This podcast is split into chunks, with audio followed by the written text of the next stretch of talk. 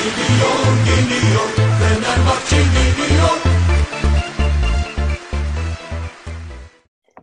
Fatih Mer-. Merhaba sayın dinleyenler. 22. yayınla karşınızdayız. Bir Galatasaray deplasmanı sonrası. Ee, tabii kazandık bu sefer ama beklediğimiz hiçbir şey olmadı bu maçta. Çünkü biz Deniz mesela 1-1 demişti. Ben 2-1, 2-0 kazanırız demiştim. Ee, dörtlü asla çıkmaz dedik. Dörtlü çıktı. Çok ters köşeye yattığımız bir maç. Mesela yine 1-0 alan maçı götürür dedik biz Bahattin'le. O da yaşanmadı. Hepimiz ters köşeye yattık diyebilir miyiz? Öncelikle tabii kazanan taraf Bahattin'in tarafından başlayalım. Fenerbahçe galip konuşsun diyelim. Futbolun doğrularını konuşsun. Ya benim bu arada tahmin son dakikada yattı yani yoksa gayet geliyordu. Evet ama tabii yani ters köşeye yattık şimdi. Ya Beklediğimiz bıra- yani tarzda bir oyun oldu Crespo'nun mu? golü biraz kuştaşa çarptı. O oradan geçti, o oradan geçti. Evet, tabii ağlamalar olacak bu yayında. Kolay değil.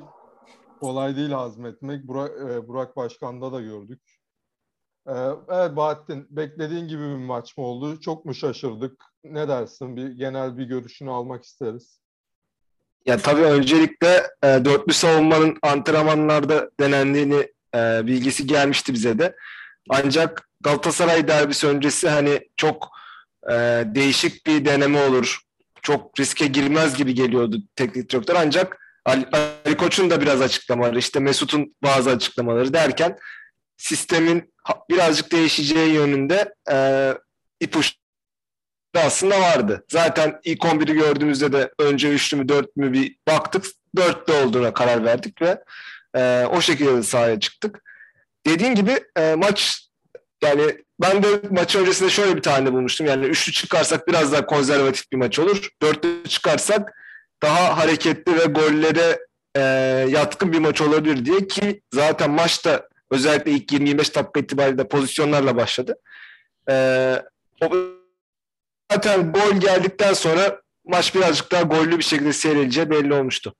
Evet, bu dörtlüyle ilgili bir soru daha soracağım ama bu ilk 11 daha görmeden ben Deniz şöyle bir şey dedi bana dörtlüyü görünce. İşte 7 atacağız, 8 atacağız, ilk 10 dakikada maçı bitireceğiz gibi iddiaları oldu Deniz'in. Deniz şaşırdın herhalde biraz.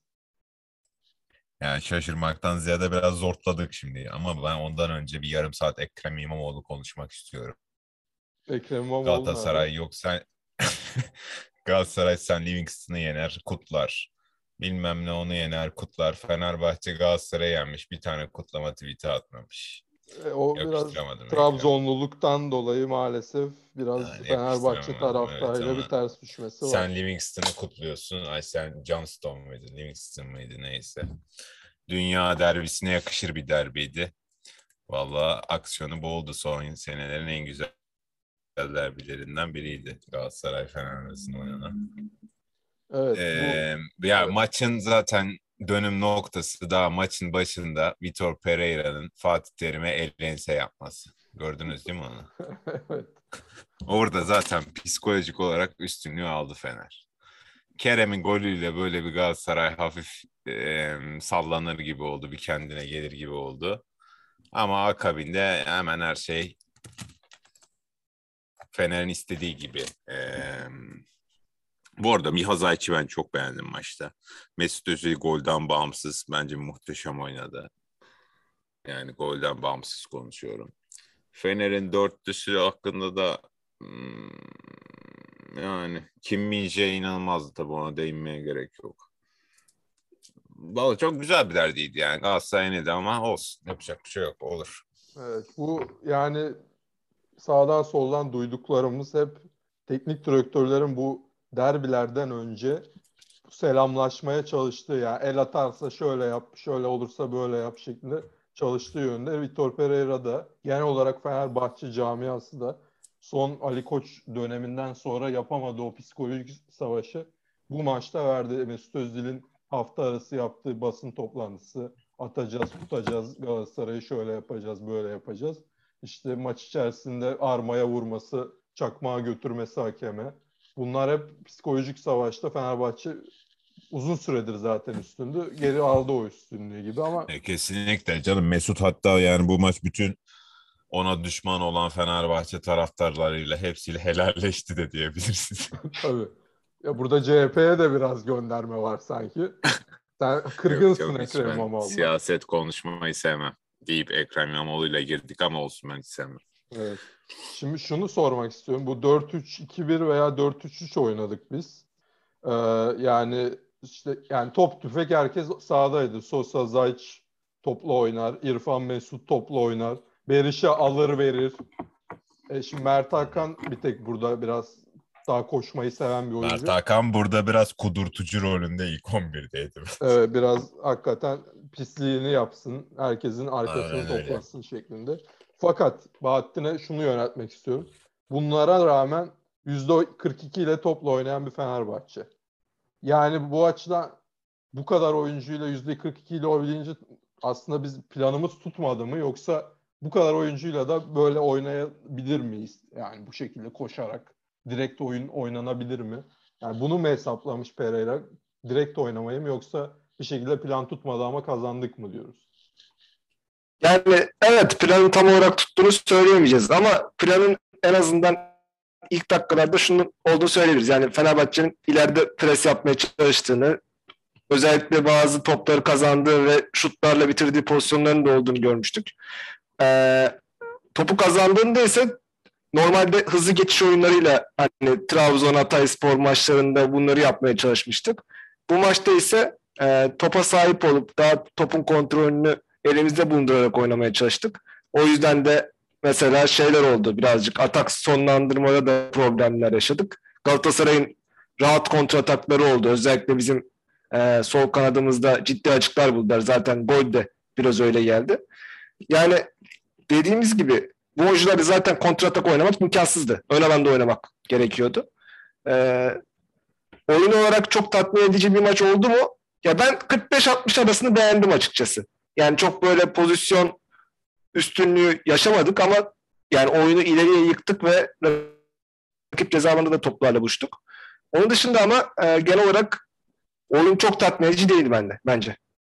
Yani şöyle yorumluyorum. Topu aldığımız zaman iyi iş yaptık ama topu da çok alamadık yani. Mesela 10 şutun 6'sı isabetli böyle bakınca. Topu efektif kullanabilmiş hakikaten bu oyuncular. Evet. Ama Galatasaray tabii ev sahibi. Maçı geriye de düştü son bir dakikada da olsa. Yani genel olarak kazanmayı isteyen taraftı bir birken de. O açıdan herhalde topu alamamak da biraz yani sonuçta derbi deplasmanında normal ama Deniz'e şunu yönelteceğim. 14 şutu var Galatasaray'ın. 4 isabetli. Yani bu olmuyor mu Deniz? Fatih Terimli olmuyor mu artık?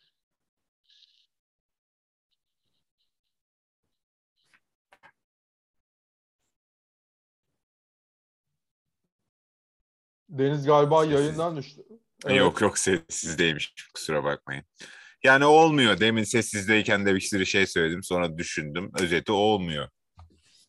Olmuyor. Ya ama bu derbi maçlarda da yani bir eee, şeyle bir maçta her, hük, kesin hükümlere varmamak lazım. Yani derbide herkes herkesi yenebilir.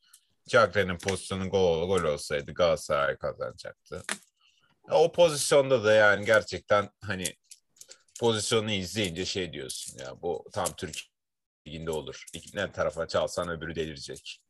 Ya, hani bu oyuncuların niyetinden falan filan şüphelenen insanlar da oluyor bu tarz pozisyonlarda.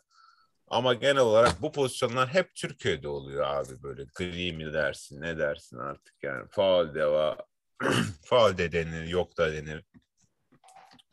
Valla hakemlik de zor Türkiye'de yahu. Yani bu, bu, bu Ee, bir de ben şey söylemek istiyorum. olmaz ama. Ya o- Sizin demin Fenerbahçe'de o e, bu kadar pozisyon ya da şuta rağmen çok efektif değildik dediniz ya. Yani gerçekten Fenerbahçe'nin kadrosuna bakıyorsun. Yani toplama kadro gibi demeyeyim de hani birbirini tamamlayan parçalar kesinlikle değil. Bu şu an hangi lig, Evet. hangi takımın böyle? Hiçbirinin değil. Bu muhtemelen ekonomik gidişatın da etkisi var. Benim aklıma gelen hani birbirini tamamlayan en son Türkiye Ligi'ndeki kadro belki Şenol Güneş'in işte Sosa, Gomez, e, Gökhan Töre, Atiba, Oğuzhan o kadro birbirini tamamlıyordu. Onun dışındakiler hepsi alalım, dolduralım. Transfer şey menajerler ne getiriyorsa bakalım, imzayı atalım. Biraz artık ona döndü. Yapacak da bir şey yok buna yani mevcut ekonomik, siyasal gidişatın etkisi altında. Ama yine de yani beksiz Fener bu kadar oynuyorsa burada Vitor Pereira'ya da bir şapka çıkarmak gerekiyor bence. Ben her podcast'te bunu söylemeye devam edeceğim. Evet, sen geçen yayında da Beksiz mesela oynuyor abi takım. Filip Novak valla. yani dün birisi Twitter'da gördüm. Hücuma çıkıyoruz 10 kişi. Savunmada da yoksun abi sen neredesin falan yazmıştı. Doğru. Hani ha, pasta çıkamıyor. Yani defansta sürekli yerinde boşluklar veriyor. Yani hücumda eskiden Trabzon'da bir gol katkısı vardı. Artık Evet, o da yok. evet. Evet. Yani bilmiyorum. Sol bekte ciddi sıkıntı var. Yani dörtte oynayacaksak biraz sıkıntı yaratabilir yani. e, ama mesela Sağ Deniz de var abi. Ferdi- yani bir yere kadar. Ferdi gayet iyi oynadı bu maç. Yok son 30 dakikada Arnold orayı bayağı bir işledi aslında. Yani o da zor durumlara düştü. Abi mesela Osman Tufan'ı niye istemedi Vitor Pereira? Bence hani özellikler baş- bakımından biraz öbürlerinden ayrılan bir orta saha. Fenerbahçe'nin şu anki mevcut orta sahalarına kıyasla. Gittili geldili her şeyi yapan. Bu bu tarz maçlarda mesela o pis işleri yapabilecek rolde. Yani Biraz mental herhalde. Başkanın istemediği bir olabilir. Ee, buna rağmen evet Galatasaray'ın 1.47 gol beklentisi var. Hak, yani Deniz'in dediği gibi yani bazıları gol olsa e, olsa belki Galatasaray da kazanabilirdi. Bizim de bir gol beklentimiz var. Tabii mesela tabii Galatasaray'ın attığı golü konuşmak istiyorum biraz. Yani ne kontra ne organize yani gayet durdurulabilecek bir atak kaleye kadar geldi en sonunda da gol oldu. Enteresan değil mi? Göstere göstere gol yedik. Abi o ama gerçekten sene başından beri üçlü oynamış takımın bir anda dörtlü dönünce ne yapacağını bilememesinin tezahürüydü yani. İyi de ilerideyken durduramaz mısın yani üçlü dörtlü ne fark eder? Abi oyuncular orada nerede duracağını bilemedi. Bir anda Kerem boş kaldı, o boş kaldı. Hepsi boştu yani. Katılır mısın Bahattin? Ya bir defa Sosa'nın önce kontratağı durdurması lazımdı. Belki faulle belki e, müdahale etmek çabasıyla. Bir de 2-3 oyuncu da orada hamlede geç, gecikti. Yani tabii birazcık dizilişle de alakalı. Yani dizilişle alakalı derken pozisyon almamızda oyuncuların biraz alakalı. Yani 2-3 oyuncunun yaptığı pozisyonel hatalar ne, ne yazık ki sebep oldu. Yani böyle her maçta olacak bir şey değil. Yani Galatasaray'ın da iyi kontratak yaptığını bence söylememiz lazım. Orada e, Morutan, Feguli, işte Kerem iyi bir organizasyon yaptılar. yakalanabilirdi ya. Yani çok hızlı gelmediler bence. İyi paslaştılar doğru ama bir yerde indirebileceğimiz hep Tabii ki, tabii ki. yani. Hep bir yerde indireceğimizi bekledim gelirken. Ya bence Sosa indirebilseydi orada indirebilirdik. Yoksa geri kalan pozisyonlarda zaten atak gelişti yani. Bizim ceza sahasına geldi artık. E, Tabii ama mesela şeyde de konuştuk biz bu. Üçlü oynarken de nerede basacağını, nerede geri çekileceğini çok iyi yapamıyor Fenerbahçe dedik, diyorduk. Yani Evet. bazen çıkamıyor istediğin her yerde geride kalıyor. Bazen basmaması gereken yerde basıyor, arkada boşluk veriyor. Bunu yani üçlüde de bu pozisyon hataları maalesef oluyordu. Ee, Dörtlüde de devam etti bence. Dörtlüye geçmekle %100 alakalı diyemem yani. Evet kontratakları ciddi bir şekilde böyle e, bir engel olmadı yani dörtlüğe geçişimiz. Evet. Peki Galatasaray'ın 1.47 gol beklentisiyle Berke'nin performansı nasıl bir etki yarattı? Yani müthiş oynadı diyebilir miyiz? Çünkü birkaç tane %100 gol pozisyonu çıkardı. 1.47 İkinci devre arasında. olarak değil mi? Efendim? İkinci devre olarak mı diyorsun 1.47? Yok toplamda 1.47 Galatasaray'ın. Hmm. Valla benim hatırladığım o direkt maçın var. başında Feguli'nin bir pozisyonu vardı çok net. Onun dışında. Çikaldao'nunkini iyi kurtardı. Çikaldao'nun bir Evet çıkardı. vuruşu vardı. Ama o biraz çok da ku- zayıf yani çok kuvvetli bir vuruş. Ama tam köşeye vurdu. Yani iyi bir refleks yap gösterdi bence yine. Çok Orada çok uzak bir Snyder- yerden değil de. Snyder olsa zımbalardı ama. Yani tabii ki. Tabii ki. Ama mesela şeyi saymıyor mesela gol beklentisinde bu Minkim şeyinin son anda araya girip taça attığını ne kadar Yok, yok, sayılmaz. sayılabiliyor. Aynen. Aslında Hiç çok sayılmıyor. büyük. Aslında Evet. çok net gol pozisyonu ama hiç o yüzden istatistikler yalandır. Fenerbahçe'nin o mesela bir istatistiği nereden gelmiş ben anlayamadım. Yani şimdi o da çok enteresan mesela. Mesut'un o attığı gol 1-0 öndesin. İlk yarıda normal ilk yarıda mı attık? Bir dakika. Ne zaman attık? Tabii tabii 30 Abi Evet. ama vallahi 32 İrfan Can gelince? Fener'in bir rengi değişiyor böyle bir. Değişiyor da abi sen neden çıkıyorsun? yani. 10 kişi ne işin var senin Galatasaray? E tabii Yani. canım o ayrı salak. İki golde facia canım iki takım açısından. Tabii derbilerde hiç alışık olmadığımız goller ya. Yani bu tip Evet yani hiç pis Kolay bir gol goller. yoktu yani böyle Evet. işte kornerden bilmem ne vursun falan ona çarpsın buna girsin. e, uzaktan bir gol olurdu. Ne bileyim bir duran Evet. toptan gol olurdu. O tip bir şey olmadı pek. Tabii burada Mesut'u çok yerdiniz ikiniz de. İşte Mesut şöyle böyle bitti böyle filan ama adam bayağı topu sürdü. Topu sürerken yetişemedi Galatasaray savunması. Bayağı sürdü yani. Ondan sonra da Muslera Ama bir böyle 5 bakıyor. metre daha olsa out yani. Bitiyordu diyorsun pile. Şutu vurduktan sonra yere falan düştü yorgunluktan. Hala yani garip bir taraflılık gerçekten. Yok abi iyi oynadı yani o bir tane zaten şöyle bir şey ne diyor İngilizler çekiç vuruşu bir pası vardı. Gördünüz mü onu? Evet aradan. Topu- Aynen. Bir de bir bacak arası var yine çıkarken. Evet evet o da çok iyiydi valla. Ama İrfan Can yani Mesut'un prime'ı gibi ya valla bambaşka bir seviye. İrfan Can'da da şunu anlamak mümkün değil. 60-70'ten sonra nasıl dağılıyor? Zaten çok yüksek tempoda oynayan bir oyuncu değil. İyice 60-70'ten sonra kapatıyor motoru. Abi bir şey söyleyeceğim. 60'ta 70'te falan çıkarmadı mı zaten İrfan? İşte çıkarıyor. Neden çıkarıyor? O sebepten. Yok oyundan düştü zaten. Yani çıkması bence normaldi de eee, 90 dakikaya taşırsa bu kondisyonu çok büyük fark yaratır ya. Evet. Evet. Peki değişikliklere gelelim madem. 71'de Crespo ile Osayi giriyor. İrfan'la Sosa çıkıyor. Tabi bu dakikadan sonra İrfan'la Sosa'nın çıkması demek Fenerbahçe'nin pas trafiğinin durması anlamına geldi. Zaten durdurmak istedi galiba hoca da. Osayi'yi sokup üçlüye döndü döndü bu arada. Daha böyle kontra mı yapalım, savunma mı yapalım, ne yapalım sizce? Bu değişikliğin anlamı nedir? Yani daha böyle zaten o dakikalarda Galatasaray'ın da birazcık e, Cagne, Taylan'ın girmesiyle beraber oyunu ileriye taşıdığını gördük. O yüzden Pereira da sanki bildiği sisteme geri döndü.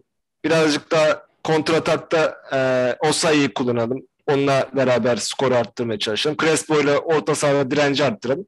Birazcık eski alışkanlıklarına döndü bence. Ben Osayi'yi sokunca Osayi ileri atacak. Ha ben de öyle düşünmüştüm. Ama Ferdi sol oldu, sağ Osayi oldu. Değil mi? Yani Ya da tam o- tersi mi? Pardon. Osayi sol, Ferdi sağ oldu. Ama üçlü Novak stopere geçti yani. Evet, orada Osayi ne kadar kontrada o bekten kullanılabiliyor pek de kullanılamıyor bence öyle olunca yani. Evet, özellikle sağda olsa daha kullanılabilir mesela. Solda Yani- olması da birazcık etkiliyor. Sanki daha çok o üçlüye dönelim Cagne'den tırstı gibi yani bana öyle geldi. Olabilir tabii ki. Evet. Yani defansa sağlam duralım. Kontratak ilerleyelim bence birazcık. Evet, ama pek de olmadı açıkçası. 84'te de tabii iptal Yok oldu böyle ama 90 arasında bence yani Galatasaray'ın net hakimiyeti vardı. Yani bunu kabul etmek lazım. Yani kaç tane pozisyonu işte Çikaldağ'ın, Cagne'nin eee Fananolt'u içeri çıkardı işte müdahale ettiği pozisyon. Yani 3-4 tane gol olabilecek pozisyon vardı. Evet. Evet. Bir de abi devre arası Fatih Terim Patrick Van Aanholt'la şöyle bir konuşma yaşamış herhalde hani bu mecrada teksin, rakiplerim var mı tarzında böyle bir gaza getirmiş. Bir ara böyle 60-70'te bakıyorum Van Aanholt'u sağ beke geliyor, 10 numaraya geliyor. Ya bir de gerçekten bu kadar hani oynuyormuş gibi gösterip bu kadar kötü oynayan bir adam ben o zamanlar hatırlamıyorum. Vallahi çok kötü bir adam yani. Ben şoklar içerisindeyim ya. Crystal Palace'ta ne bileyim abi ya da o zamanlar da mı öyleydi diye düşünüyorum. Hani böyle bir frikiye gelirdi, böyle bir göz kamaştırırdı, bir şey yapardı. Bir orta açardı. Vallahi atanamamış Caner Erkin gibi. Ya arada parıldıyor. Yani bir kalitesi var oyuncunun da yani yaptığı işler böyle çok dişe dokunur işler değil ya. Dediğin gibi ama E, emlakçı Babel çakmış falan notu. O da yani almış komisyonu. Ben öyle yorumladım o transferi artık. Babel mi aracılık etmiş? Yani Babel almıştır oradan komisyonunu. Evet tabii canım. Yoksa niye gelsin abi?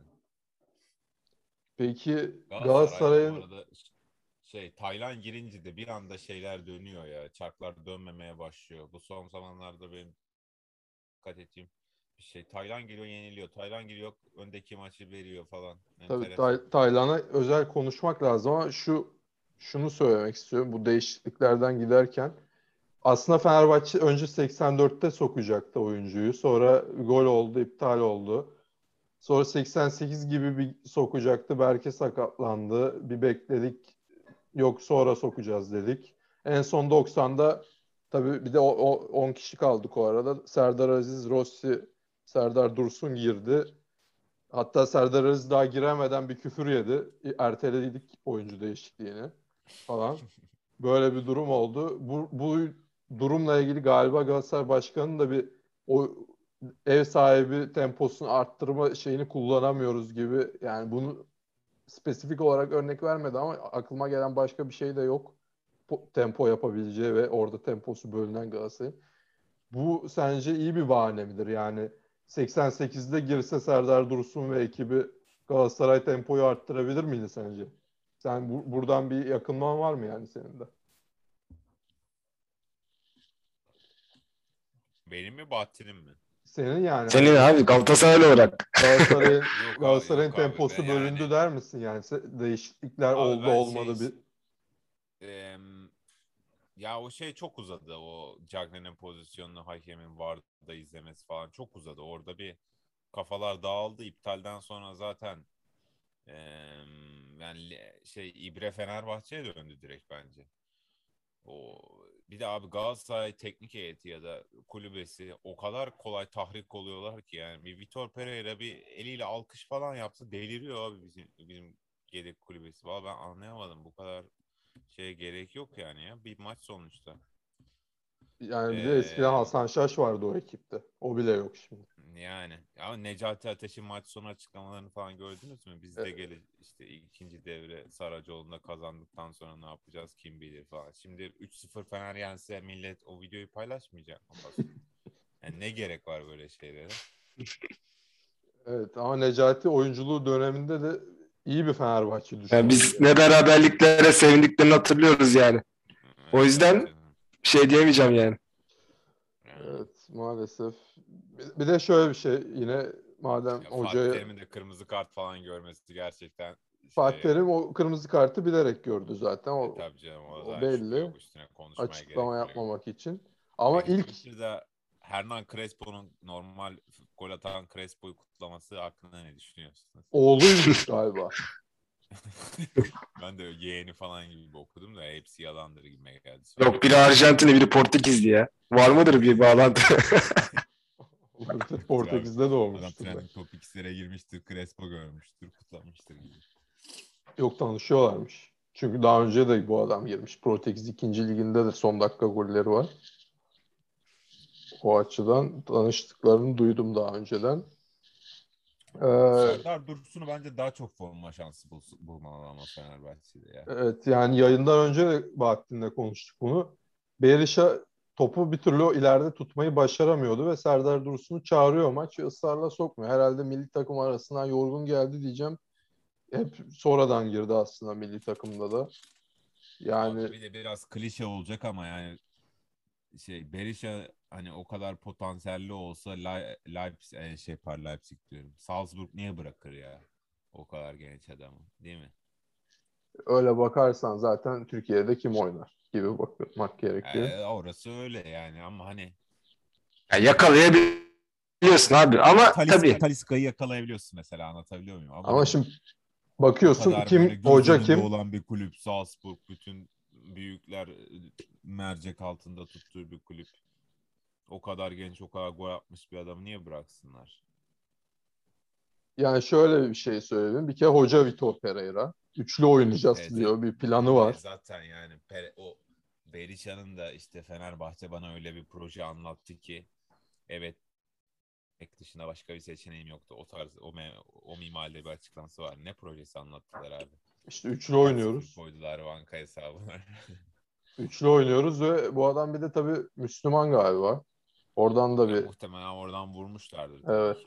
Olabilir. İstanbul, İstanbul'u onlar hep İstanbul'u dinleyerek büyür E- Almanya'da. Ezan sesi, gol, gol, golü attıktan sonra ezan sesi duyacaksın diye yayınlıyor. Olabilir yani. Bir de Mesut Özil. O da önemli. Ee, sever Almanlar. Ee, tabii Fatih Terim demişken Fatih Terim'in sahaya girip topa vurması var. Çaktırmadan. Yalnız Orada o da first touch, o first touch'a sarı karttan ziyade hani plaket falan verilmeliydi de neyse. yani ama orada aslında bir kırmızıyı atla- atlatmak için yapıyor yine yani. Kurt Hoca. E tabii canım. Orada bir kırmızı çıksa Markao'ya belki Tabii canım. Ne- net kırmızı pozisyondu. Hatta bu arada kesinlikle zaten o ilk yarının sonundaki pozisyonda kırmızı görmeliydi. Onun üstüne bir yerde de Berisha'yı itiyor bayağı. Topsuz alanda. Şimdi. Onu görmüyorsun zaten şeyde.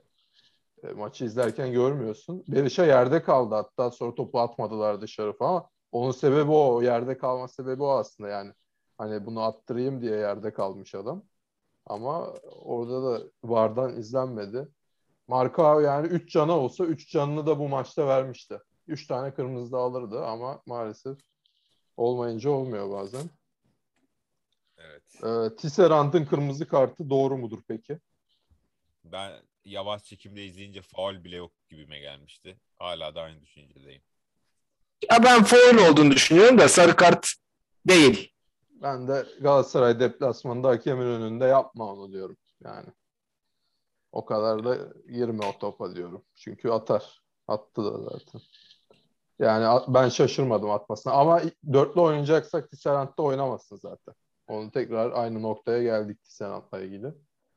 E, Ama zannetmiyorum ki bu arada hemen üçlüye dönmesinden dolayı zannetmiyorum ki dörtlüyle devam edeceğiz biz. Yani muhtemelen yine üçlüye dönecek Fenerbahçe. İleriki maçlarda. Ya bu arada Mihazaç da hiç böyle parıltılı bir şey yapmıyor ama gayet Yok ben de çok beğendim Miyazayt'sı zaten. Tanımıyla decent topçu yani. Evet evet. Yani öyle de topu iyi taşıdı. Baskıyla top da kazandı. Yani o bir orta sahanın yapması gereken her şeyi yaptı genel olarak. Yani böyle Mesut İrfan kadar tabii parıldamadı ama basit oynadı yani. Mesela Sosa'nın veremediği performansı bugün biraz o verdi. Yani arada bir, Meyreles'ten birkaç tane üst sonraki üste çalımı var. buldu Fener diyebilir miyiz? Meyreliz evet. Meireles daha düzenli oynayabiliyor yalnız. Evet, ben de. Meireles çok sakatlanırdı. Ee, bir, bir maça çıkardı, bir derbiye çıkardı. 9 maç ceza Diego alırdı. Rossi'nin Crespo'nun golünde golü hazırlaması nasıldı? Bir anda iki kişiyi düşürdü. Yani ben Nasıl verdi? bu maçtan önce podcast'te böyle bir pozisyon anlatsam derim yani kapat dersiniz. Tamam hadi artık. Sapıtma dersin. Hani Vallahi Crespo'nun golü yani Hamsik alan Jorginho o zaman Sarri'nin Napoli'sinde Hamsik'in attığı gollere benziyordu. Tam onun tarzında öyle. Orta sahaya sızıp yerden. Ya, klasik bir Galatasaray deplasmanı golü ya. Hani Josep de Souza'nın attığı gol. işte Cristiano Selçuk. Şahin. Ha, Baroni'nin attığı gol. Ama olmaz yani. Şimdi hem sırtını Markao'ya dayamış. Hem bir tane adam daha geliyor üstüne doğru. Taylan'ın markajında hesapta adam. Taylan uyuyor. Yani orada uyumasa zaten gol olmayacak muhtemelen her şeye rağmen. Aradan kaçtı. Bu bomboş kaldı zaten. Ol- olmaz yani. Ya Galatasaray'ın tamamen e, konsantrasyon hücumdaydı yani bence. Ama maçı sattı ya resmen. Sen niye oradasın madem orada? Tabii tabii. Orası öyle. Taylan olmaz abi. Galatasaray'da falan oynayacak adam değil yani Taylan. Ya oynar da yani Selçuk Şahin modeli oynar hani. Selçuk çok şeydi. Selçuk son mod- son zamanları diyorsun herhalde. Yani, Şimdi. yani akıllanır o bir belli bir yaş geldikten sonra Selçuk Şahin son zamanları gibi oynar evet. Ama Selçuk, hani şey gibi. Selçuk'un ilk zamanları iyiydi gayet yani bence. Selçuk İnan gibi oynamaz yani Taylan. Selçuk İnan olmaz da Selçuk Şahin de olmaz bence. Selçuk Şahin biraz karik- karikatürize edilmiş bir adam. Yani gözleri şaşılır işte tipi çok şey değil falan diye. Biraz da e, underrated diyebileceğimiz bir adam yani. Evet evet çok iyi ters toplar atardı ya. Uzun topları falan iyiydi. Katılıyorum. Yani bence Deniz Barış olur Tayland'dan daha çok. Yani Evet. Olabilir. Ee, evet. Kerem Aktürkoğlu'nun Fenerbahçeliliği konusunda bir yorumunuz var mı? Çünkü iptal olan golden sonra Mesut'la beraber sevindi. Fark ettiyseniz onu. Evet, Mesut evet. dedi yani ne Orada- oluyor falan Orada Mesut da maçı bakıyor. kapattım. Orada dedim Fener bu maçı alır. Kerem kendi kalesine falan atar biter mi? Yani duygulandım ben orada onu görünce bu adam. Yani artık Emre Belezoğlu'nun var bir meşhur gülümsemesi. Yan hakeme. Bilirsin onu sen Bahattin. Başakşehir maçında. Evet.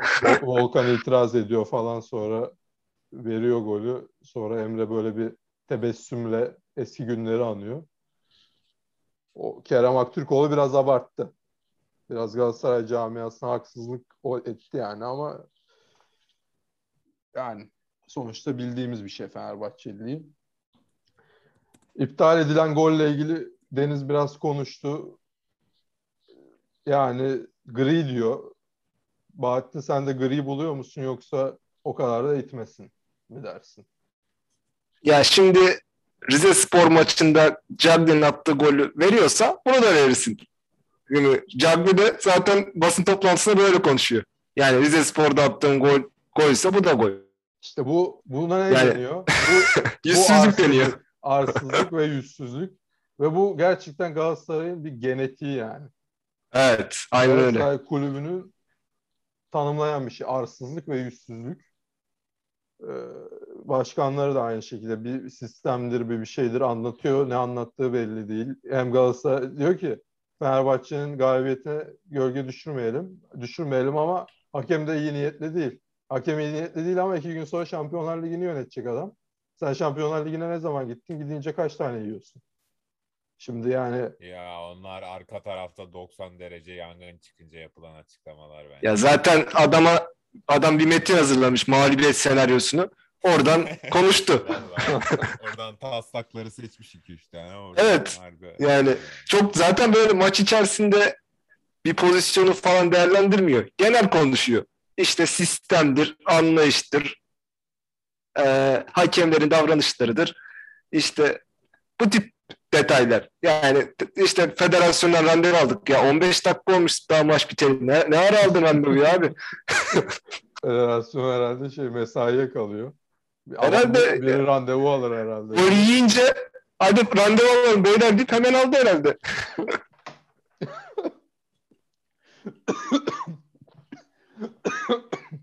Bu adamla kaldı vallahi. Valla Crespo'nun golü böyle etki yapmamış. Bugün ben Erol, Erol Bulut bugün e, Trabzon Gaziantep maçına sarı lacivert formayla çıkmasını beklerdim. Çıkmış böyle. Valla Gaziantep iyi de top oynamış ama ya 5. 6. dakikada bir pozisyon var.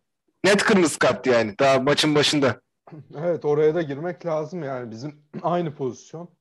Aynen. Ya bu arada çok kısa bir şey değineceğim. Bu e, Mourinho hafta sonu bir tane kara olanı sokmuş ya 2000 doğumlu. Çıkmış gol atmış. iki tane Roma maçı kazanmış.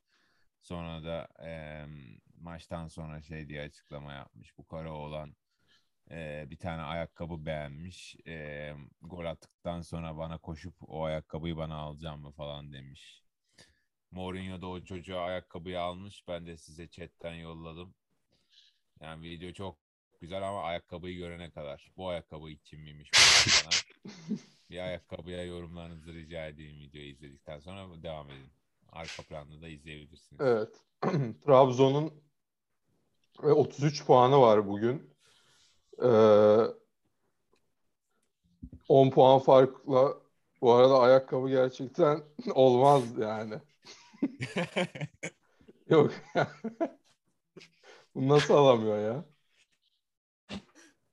ya hayır, kutusu kutusundan zaten maddiyat o kutuya veriliyor da. Ee, bu ayakkabı bildiğin deniz otobüsü ya. Bilek korumalı falan herhalde. Onun- Ortopedik olabilir mi? Ba- bağcı yok diye mi o kadar istemiş çocuk acaba? Zahmetsiz bir ayakkabı. Evet. bir de önünde de giymezsin al evde dene yani. Şey olsun biraz. Hani böyle siyasetçiler yardım yapar da gösterir ya. Evet, Savaş Yayın programa dönmüş. Reality show.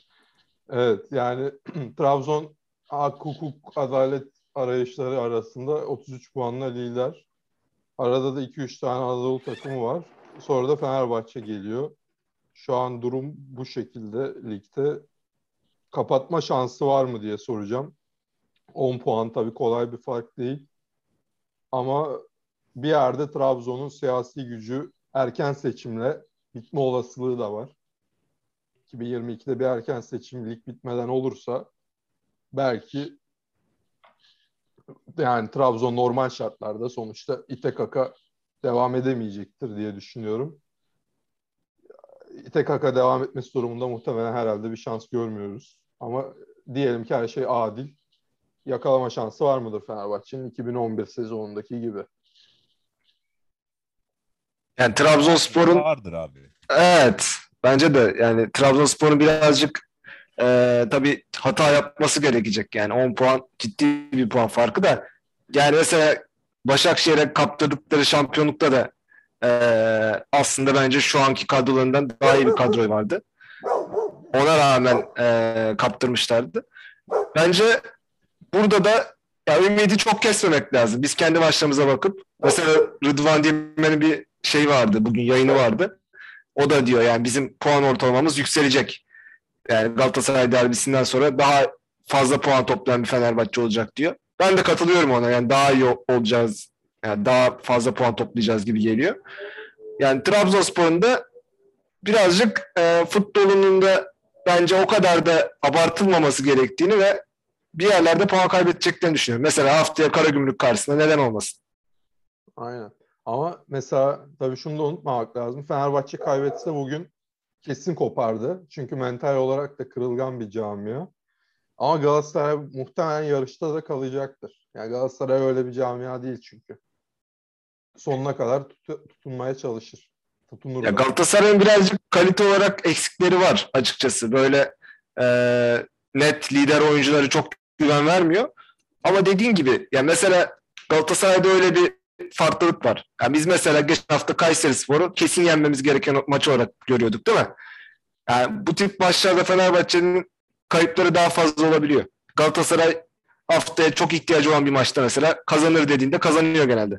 Evet. Yani bu tip detaylar nedeniyle zaten birazcık e, Galatasaray hep yarışta kalmayı başarıyor. Fenerbahçe'nin e, o kazanması mutlaka kazanması gereken maçlarda takılması nedeniyle birazcık geride kalıyoruz. Evet Deniz sen de katılır mısın? Yani Galatasaray sonuna kadar yarıştadır yine de Fatih hocasıyla der misin? Gerçi Fatih Katılıyorum. Terim'in de bir ceza alma durumu var. Öncelikle Trabzon Fener e, eksenine bakacak olursak ben Trabzon'un muhakkak bir yerde muhakkak bir yerde sendeleyeceğini, tökezleyeceğini düşünüyorum. Hatta Trabzon'un tökezlemesi atıyorum.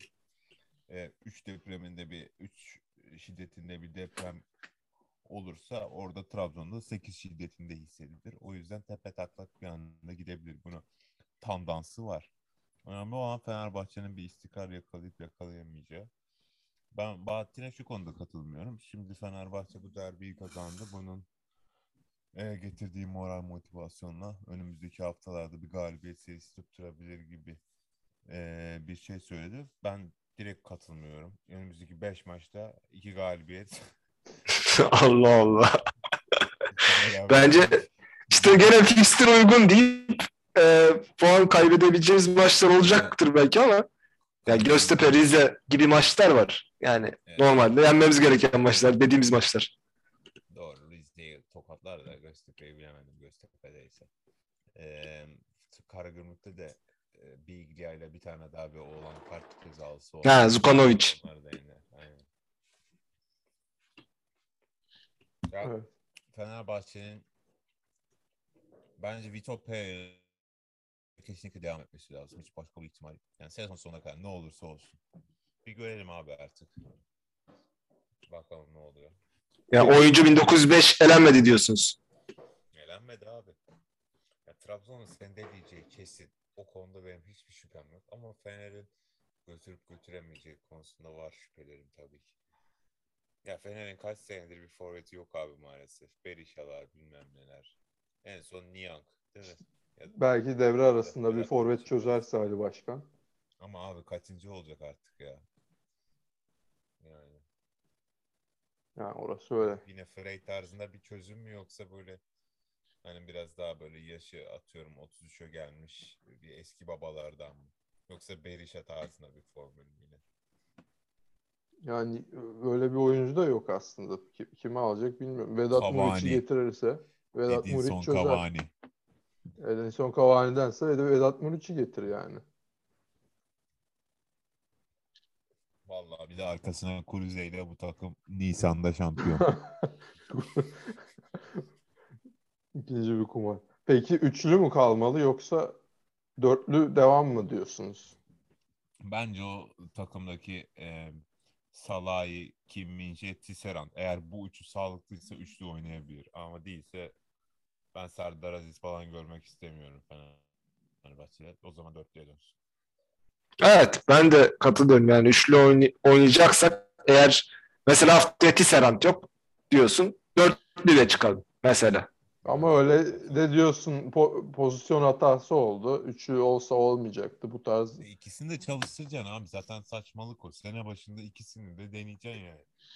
Sene başındaki o kampların bilmem nelerin amacı bu. Zaten dörtlü oynamayı biliyor olması lazım aşağı yukarı çoğu yani Yani, %90 evet, dörtlü tabii. oynuyor. Muhtemelen çoğu milli takımda dörtlü oynuyordur mesela. Ama o dörtlünün kanadı hiç yok bizde. Yani üçlünün kanadı var yine. Yani üçünün de yok abi. Hangisine daha yatkın mesela Ferdi sence? Üçlüye mi daha yakın, dörtlüye mi? Bence. Ya abi sen Ferdi'yi beğenmiyorsun ama. İşte ben beğeniyorum yani mesela. Bayağı beğeniyorum Ferdi'yi. Abi Öyle bir fark var. Beğenmiyorum demiyorum ya. Ama hani böyle bir orayı güdümlü füze gibi döşeyecek bir adam değil yani.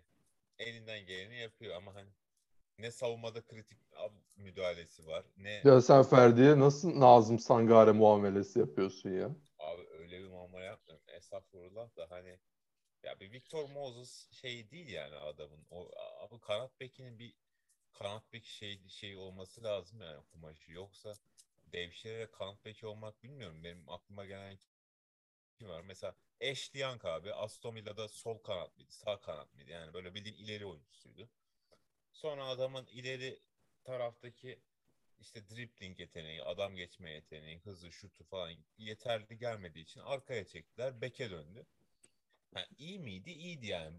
Mesela ben bir tane Liverpool maçı hatırlıyorum. Ashley Young Manchester United'da oynamış olan. Kesmişti adam yani. Muhammed Salah hiçbir şey yapamamıştı o maç Manchester United'da back oynarken Ashley Young.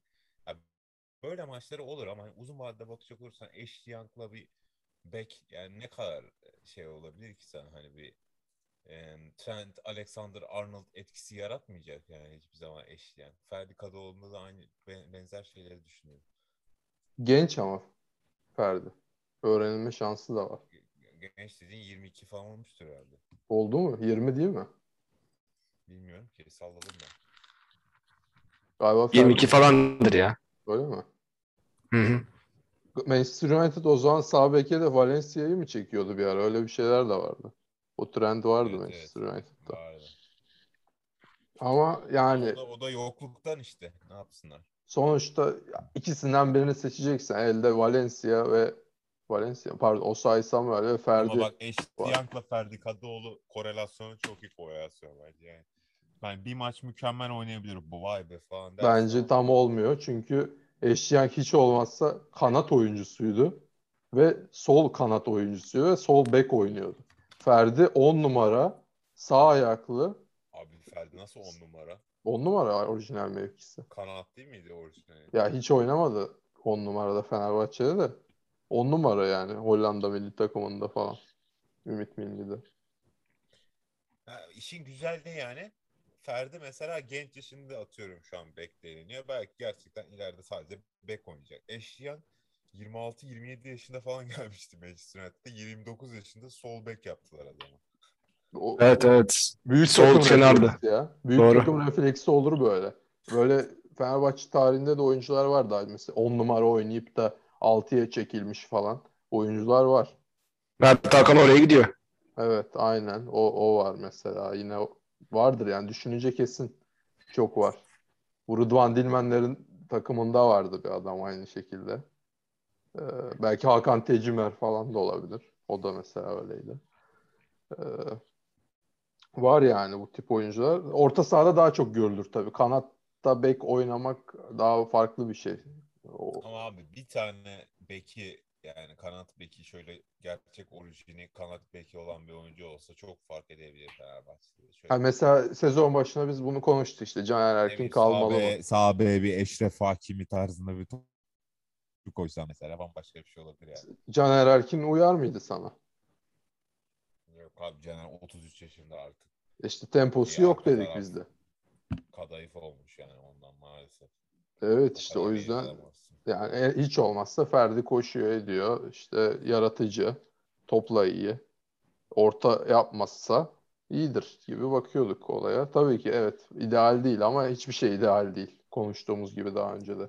Abi bir de bu 3-5-2'de gerçekten oyuncuların biraz birbirini tamamlaması lazım. Yoksa yani ben geleyim 3-5-2 oynatayım tarzında bir taktik diziliş değil. Oynat safe işte 4-2-3-1 tamam. Türkiye Ligi'nin şeyi standart default formasyonu. Artık herhalde Pereira biraz daha büyük düşünüyor diyelim. O, o şekilde.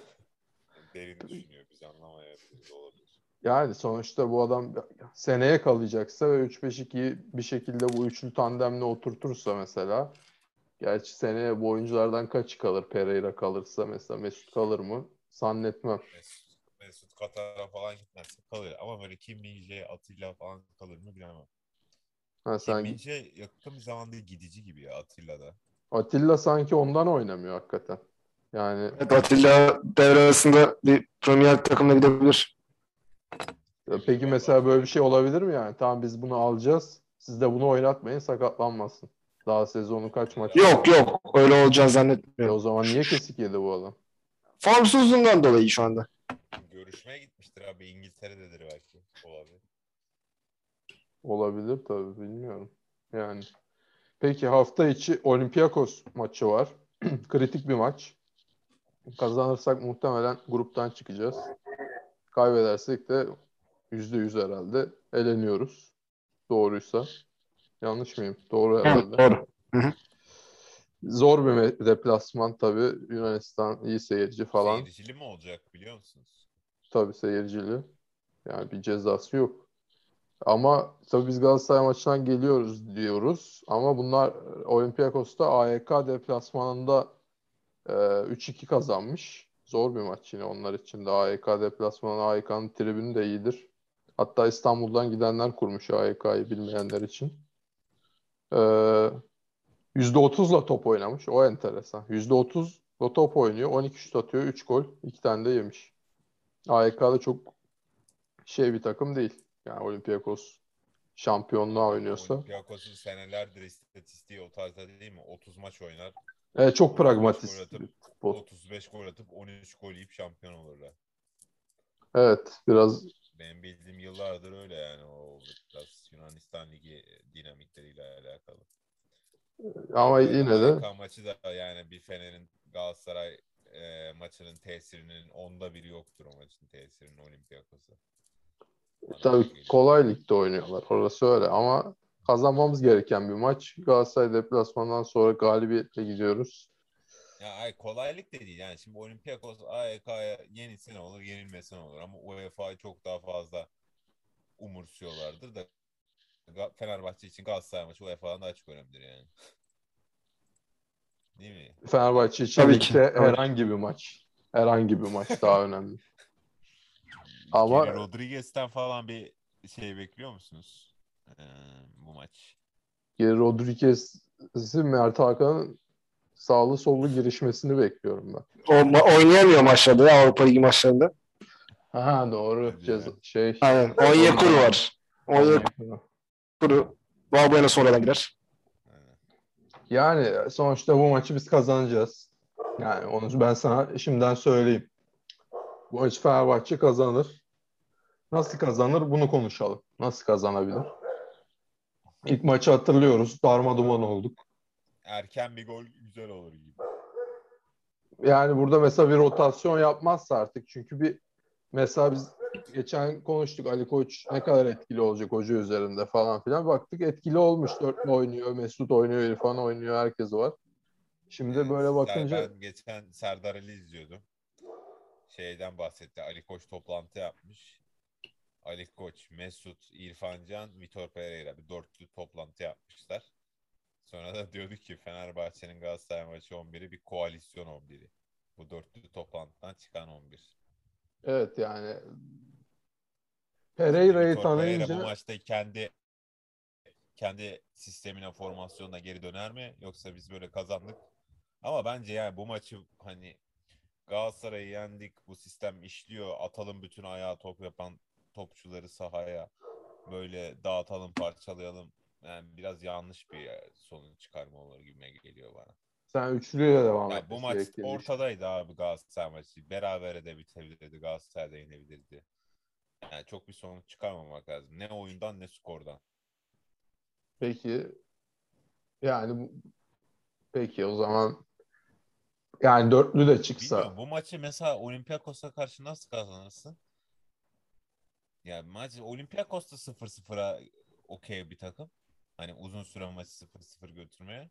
Fenerbahçe okey olur mu mesela? Ya Olympiakos Galatasaray'dan da topu az isteyen bir takım. Yani Evet. direkt kontrata döndürüyorlar ve ilk maçta 2-3 tane pas hatasıyla bizi hemen golle cezalandırmışlardı mesela. E Yani çık o öyle- zaman abi yine top topu al vermeyecek alacak alacağız mı alalım o zaman yani Topu a- alma dışında çok riskli arkadan oyun kurarak falan bir oyun anlayışı değil de belki önde basarak karşılamamız doğru olabilir. Yani basit oynamak gerekiyor belki de. Yani çok riskli arkada değil, ön tarafta risk alacaksak alacağız. Peki Atak bitirmek için. Ayağa top yapan topçulardan mı kurmak lazım yoksa daha dirençli mi?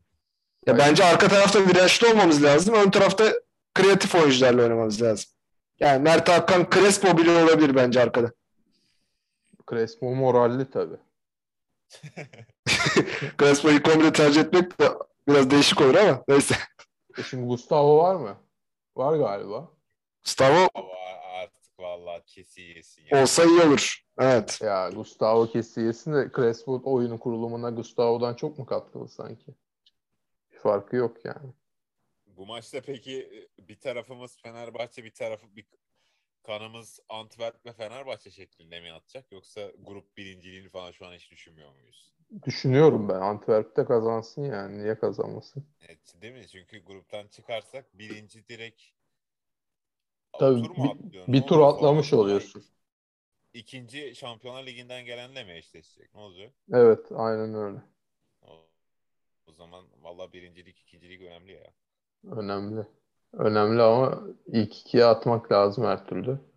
Ama bence madem adamlar topu bize verecek ki ilk maç öyle mi oldu? Topu bizi almış mı oldu? Abi şu an Tabii, tabii. Salak, salak golü yemeseydi o maçı 1-0 kazansaydı Fener. 1-0 Vallahi. kazansaydı dediğim maçı 3-0 kaybetmedik mi biz? Hayır ya şey Olympiakos maçından bahsetmiyorum. Antwerp maçı Ha. içerideki. Değil mi? Bir tane kornerden attı sonra bir tane yedi. Ener Valencia'nın penaltı kaçırdığı maç. Evet evet. Ama 2-2 bitti o maç. Değil mi? Ha 2-2 doğru. Doğru, pardon.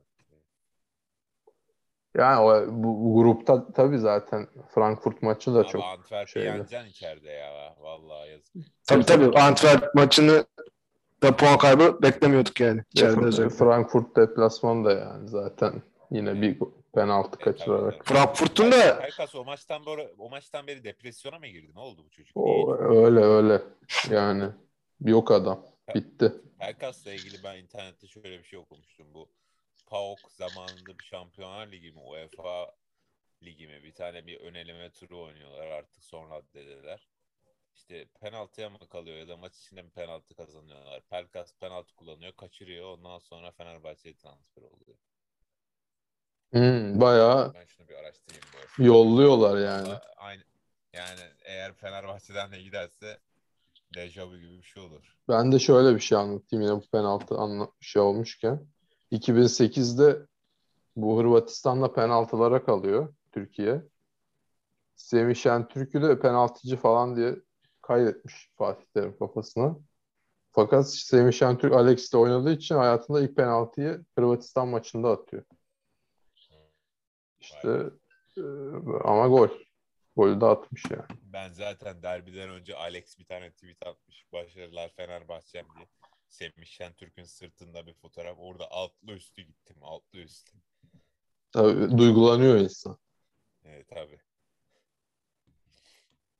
Bir de şey Lugano'nun e, Volkan Demirel'le selamlaşmasını gördünüz mü? Beyin stüdyolarında.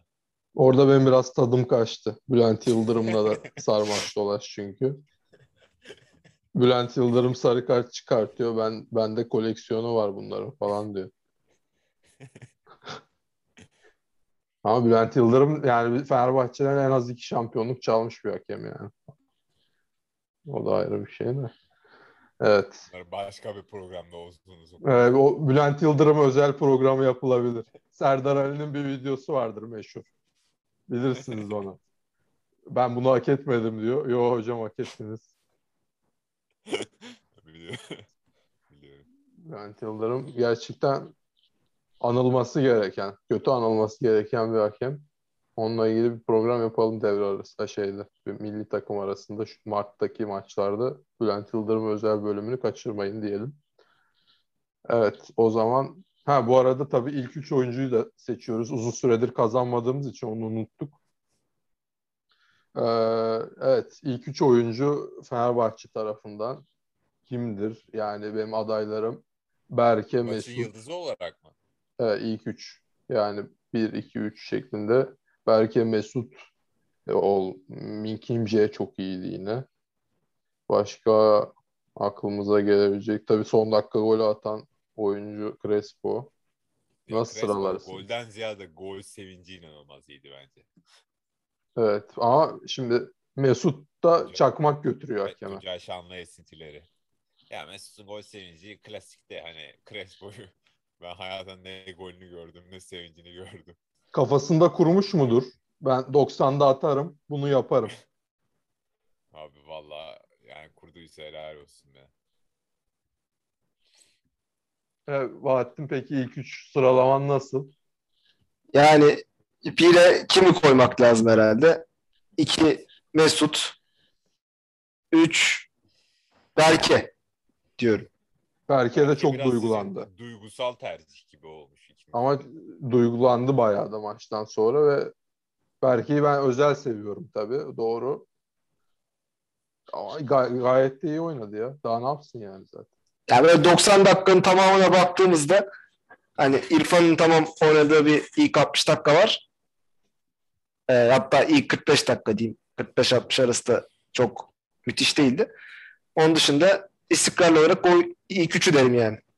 Ben de Kim Min-jae, Mesut, eee Miha Zayç'ı da koyuyorum ben. Evet, Zayt de olabilir. Aynı şekilde. Bir de İrfan Can. Hadi bu dördü olsun. İrfan Can tabii.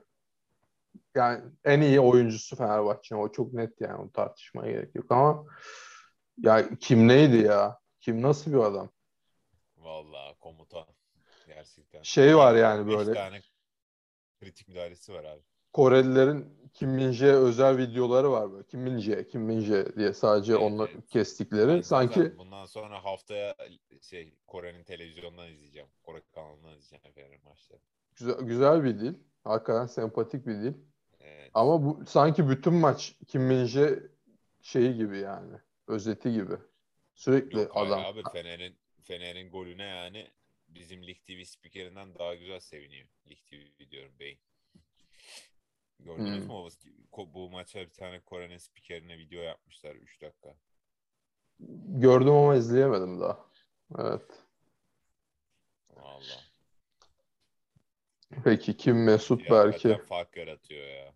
Kim Min-jae Atilla yani En iyi stoper olabilir. Evet, ligin. olabilir. Olabilir. Markao'yu da çok beğendim ben bu arada. Markao da çok iyiydi. Çirkef Evet. bir herif yani. O Galatasaray'da oynamasa herhangi bir Anadolu takımında falan 10 kere atılır. Biraz Luciano vari bir adam.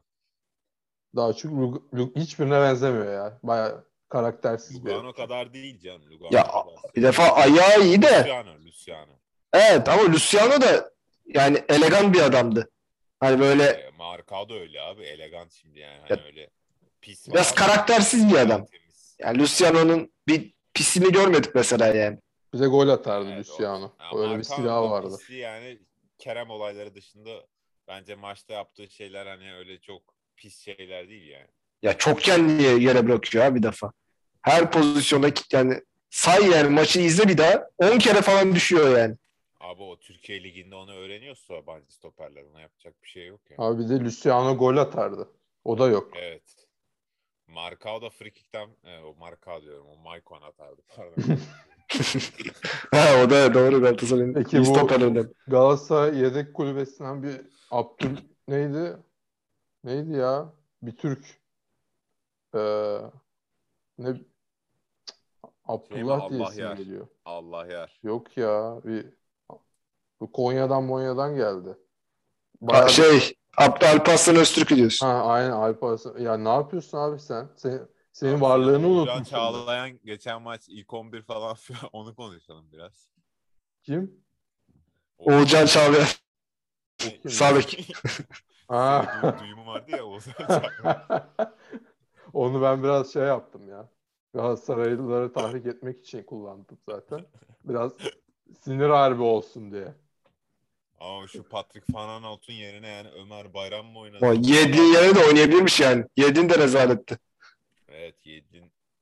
Yedlin'e bir küfür etti taraftar. Oradan beri biraz silkildi ama bu maçta çok kötüydü gerçekten. Ee, Peki Min Kim Jae-ni karşı oynarken bu Squid Game falan yakışmadı Galatasaray taraftarına ya. Valla ben diziyi izlemedim o yüzden yorum yapamayacağım. Ya ben de izlemedim de iyi hesaplanmamış bir risk yani. Aynen. Adam tahrik olmuş belli ki. Saçma sapan başka koreografim yok abi. Aslan koy Kanarya'yı yesin yeter yani. Evet yok işte Rocky'ydi yok bilmem neydi yani biraz yerel olması lazım bu işlerin. Sonuçta Yani Türkiye'nin derbisi. ya. Sen bir Osmanlı bu- tokadı bu- koreografisi Squid bulamıyorsan Game'i bu tribünün yüzde kaç izlemiştir abi hakikaten? ya bir kere kaç kişi Korece biliyor? Heh. Yani Ya bir de karşı tarafta Koreli varken bunlara ne gerek var ya? evet adam belli Bir ki adam yıldızlaşır Fener'de koyar geçer sonra böyle hayır belki şeydir bu Maymun. yine meşhur bir hikaye var işte adamın tekine Galatasaray maçı E, işte Galatasaraylı bir oyuncuyla Rıdvan Dilmen karşılaşıyor ne yapacaksınız falan diyor. İşte adam diyor biz bakalım falan filan. Rıdvan Dilmen gidiyor başka bir yabancı oyuncuyu anlatıyor şöyle koyacağız böyle koyacağız diye sana şey yapıyorlar diyor. İşte sonra adam yiyor karşı taraftaki oyuncu. O, o tarz bir şey de olmuş olabilir yani. Bir Mert Hakan gidip mesela Min Kim Jae'ye sana galegulu yapıyorlar Kore more bir şeyler demiş olabilir.